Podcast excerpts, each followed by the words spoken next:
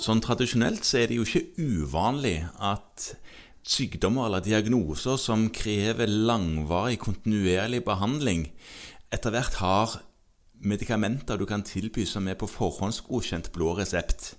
Ja, Ja, fordi at man vi kaller det fortsatt for blå resept. Ja. Selv om det er vel nesten bare du og meg som er så gamle at vi husker de små blå reseptblokkene. Jo da, eh, jeg, Ja. jeg husker de, så de var, de var blå. Eh, Men ja, vi kaller det fortsatt blå, eh, som i prinsipp betyr at man skriver en paragraf på som gjør at man betaler kun egenandel. Ja. Og ikke det engang hvis man har frikort. Ja. mm. Det gjelder jo ikke alle. Altså, en av de vanlige slagerne er jo, er jo acetylsalicylsyre. Ja, Albyl. Ja. ja. Nei, den får du aldri på blå.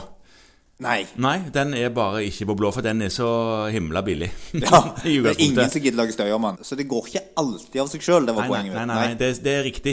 Og noen ganger så bruker du jo medisiner for et problem du har evig lenge, som du skulle ønske var på blå. En veldig aktuell i talende stund medisin da er jo en sånn GLP-1-analog. Ja, for overvekt. For overvekt, ja. Ja. At det er et problem, kronisk problemstilling for enkelte, som du ikke får på blå. Ja, for det, eh, og da kan vi kort repetere det. Grunnreglene der er som oftest at, at du har en kronisk sykdom som varer ut over tre måneder, Mm. som har et eh, medikamentelt behandlingsbehov i den perioden. Ja. Eh, Det er liksom forutsetningen. Noen små unntak med allergi og atopi og sånn som det, hvor du ikke trenger behandling kontinuerlig de tre månedene. Ne- Nei, det trenger ikke være kontinuerlig. Det må være tre av ø, Ja. årets tolv måneder. Og Ja. så, og så er det jo unntak for f.eks. sykdommer med, med ekstremt kort forventa levetid. Ja, Ja. ja, ja. Det blir annerledes. Nå snakket vi egentlig om forhåndsgodkjent, og så er det noe som heter at man kan få det på individuell godkjenning. Eller Ja. fritak. Da, da Blå. må legen sende en søknad. Ja. og Gå inn på en sånn webside Ja. og snakke med en AI. ja, noen ganger så snakker vi med en AI, og så får man beskjed med en gang om at dette gikk helt eh, greit. Dette Ja. får du på blå. Vær så Ja. god. Ja. Og det er vel egentlig den eh, refusjonsordningen der, den individuelle refusjonsordningen, jeg tenkte vi skulle prate litt om i dag. For det er et sånt kronisk problem som eh, inntil relativt nylig har vært uten Eller det er ikke helt sant det heller, fordi vi har hatt blå reseptvalg òg for de som har kroniske søvnproblemer tidligere. Ja, F.eks. cirkadinpreparater. ja, men det har ikke vært så enkelt å få til alt det. Men Nei. for, for, for, for melatonin så har man kunnet søke, ja. Ja, Sant? Men man har aldri kunnet søke om å få det såkalte Z-hypnotika på blå resept. Nei, Og det kan man fortsatt ikke. Nei, det kan man fortsatt ikke, og det er jo gode argumenter som forklarer det, som har med tilvenning og avhengighetspotensial og sånt å gjøre, som gjør òg at den typen preparater er B-preparater. Ja. Men det jeg tror kanskje vi har nevnt før, men vi kan gjenta nå, er at eh, Ali Memasin, som er en sånn antihistaminaktig sovemedisin, som tok over for det gamle Valargan Ja, ikke bare er sånn aktig, det er, Det er faktisk- kjempetungt, godt, gammeldags Ja. antihistamin, ja. Ja. Det går det an å få søke om på individuell refusjon, og så er det en annen antihistamin som det bare fins én av som salgsnavn, som heter Sonat. Ja, det er også et antihistamin. Det er- Doxylamin heter det. Du hører det jo nesten på navnet. Ja, du hører det på navnet, men det går det òg an å få på individuell refusjon med noen kriterier som minner veldig om det Ali Memasin på en måte krever. Ja, det er i praksis likt. Og hva er det?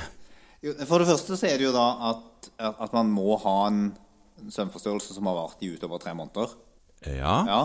Så, så det er det første man må sjekke opp. Og så Det er det massevis av koder, men det trenger vi ikke bruke mye tid på. Nei. Eh, og så må du som følge av det ha en konsekvens av det. Altså du må være dagtrøtt. ja, eh, Eller ha humørsvingninger, eller svekket kognitiv funksjon. Der står en sånn liste på dette. Altså Alt det du egentlig tenker, hører med til det at det at du sover dårlig, Du har sovet dårlig gir et over tid. problem. Ja. Eh, Og så må du da enten altså, ha minst tre dårlige netter per uke, ja, eller at døgnrytmen ikke lar seg normalisere. ja. Ja. ja. En av de to holder. En av de to Så disse holder, ja. Mhm. tre kriteriene må være på plass for å søke. Og så er det ingen krav til hvilken spesialitet som kan søke om dette. Så det, her trenger man ikke være spesialist i noe som helst Nei. for å sende en søknad. Og, og det er heller ikke noe krav om at du må ha vært igjennom en annen type behandling i forkant? Nei. Nei. Nei, men Det er jo veldig greit å vite, fordi at eh, i alle fall den som heter Sonat, den, er, den koster litt.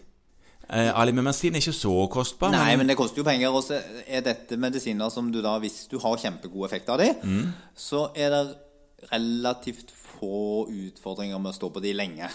Ja, ikke sant? Ja. Eh, Mm. For- for Det, og dette er nok noe av grunnen til at en del av de sovemedisinene som, som kanskje noen har lyst på, ja. som inneholder f.eks. Z-hypnotika eller benzodiazepiner, Mm. der er det jo sånn at de skal man ikke stå på lenge. Nei. Nei.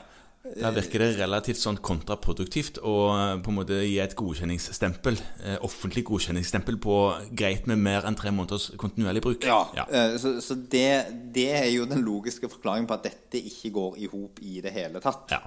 Så da er det iallfall mulig.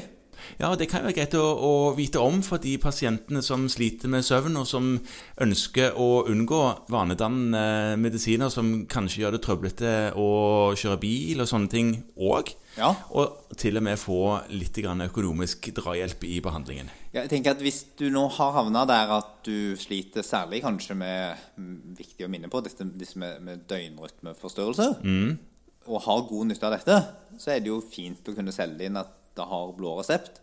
Og så er det jo sånt lite ekstra godkjenningsstempel i det, da. At staten faktisk har sagt at dette er helt trygt å stå på. Ja, ja, ja. Og la oss også minne om det, da. At når du går, gjør den øvelsen inne på de nye nettsidene som ikke er så nye lenger, hvor du søker om individuell refusjon, Ja. så hører det en takst til å gjøre den søknaden der. H1. Ja, det er riktig. H1. Men det var noe du sa om hvem som kunne søke. Det var disse tre kriteriene. Og så Ikke sant? måtte de ha hatt i mer enn tre måneder. Og så er det én gruppe som faktisk da kan søke uten at det har vært i tre måneder, og det er hvis det er ille nok. Da, da må man ha en sånn, sånn relatert diagnose. Hvilke da? Hva er diagnoser? I praksis er det epilepsi, Ja. og så er det eh, forskjellige sånn P99-diagnoser. Der i Syndromgreier? Ja, utviklingsforstyrrelser og Ja, syndromer. Ja, ja, mm. eh, ligger det mange av der. Altså, Ja. Vi skal ikke sitte og lese opp den listen her, men Nei. de der tenker man at hvis det er alvorlig, Mhm. så trenger ikke søvnforstyrrelsen ha vart i tre måneder før at man kan søke dette på blå resept. Hvis man antar at den vil vedvare. Nettopp. Det er jo viktig. Skjønner. Ja. Så liten forskjell.